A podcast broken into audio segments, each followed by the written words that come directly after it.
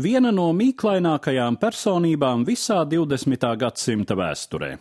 Tā varētu raksturot tuvu Adolfa Hitlera līdzgaitnieku Rudolfu Hessu, kurš savu dzīvi beidza ar cilpu kaklā Špandavas cietuma dārza namiņā 1987. gada 17. augustā. Pirmo šokējošo pārsteigumu pasaulē Hess sagādāja 1941. gada maijā, kad viens iznīcinātājā Messerschmitt pameta Vāciju un ar izpletni piezemējās Skotijā. Viņš paziņoja, ka ieradies vest slepenas miera sarunas, kamēr oficiālā Berlīne deklarēja, ka Hess rīkojies uz savu roku un psihiskas nestabilitātes iespaidā. Un patiešām prominentais britu psihiatrs Rīs atlidojušajam konstatēja psihes traucējumus un smagu depresiju.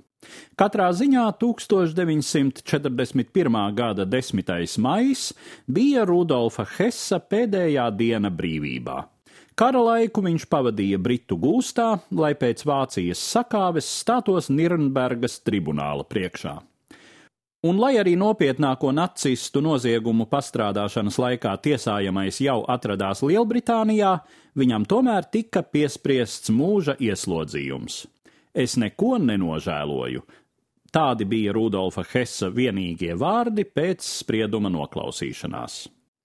Špandavas cietums Rietumberlīnē bija celts vismaz 500 ieslodzītajiem, bet kopš 1946. gada tam bija septiņi iemītnieki. Režīms sākotnēji bijis bargs, aizliegtas sarunas, memoāru rakstīšana, avīzes, tuviniekiem atļauts uzrakstīt vienu lapu garu vēstuli mēnesī, tikšanās 15 minūtes reizi divos mēnešos. Taču dažus noteikumus ar laiku atcēla, citus cietuma personāls pamazām sāka ignorēt. Hitlera arhitekts Špērs pamanījās izšmugulēt no cietuma savas memoāru grāmatas melnrakstu uz toaletes papīra strēmelēm, bet bijušais Reiha ekonomikas ministrs Funks regulāri kaut kā tika pie konjaka. Hess, taisnību sakot, sagādāja personālam visvairāk raižu. Viņu mocīja paranoja un hipohondrija, viņš dzīvoja pastāvīgās bailēs no indēšanas un sirga ar iedomātām slimībām.